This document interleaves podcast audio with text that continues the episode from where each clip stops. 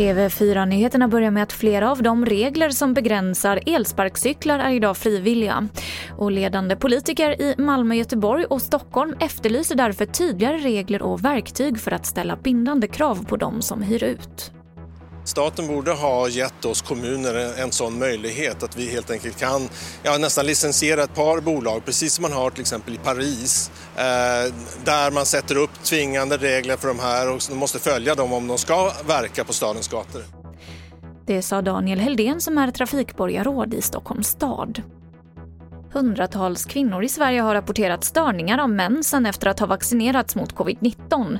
Det handlar bland annat om oregelbunden menstruation och blödning efter klimakteriet. Liknande uppgifter kommer från ett flertal länder och både svenska läkemedelsverket och den europeiska läkemedelsmyndigheten EMA följer utvecklingen. Man har inte kunnat konstatera något samband mellan mensrubbningarna och vaccineringen ännu. Och vi avslutar med OS där Erik Persson i morse gick till final i 200 meter bröstsim. Persson som vann brons på distans på EM tidigare i år gick vidare som fyra i sin semifinal med den åttonde och sista tiden. Och finalen går av stapeln i morgon bitti. Och det här var det senaste från TV4 Nyheterna. Jag heter Emily Olsson.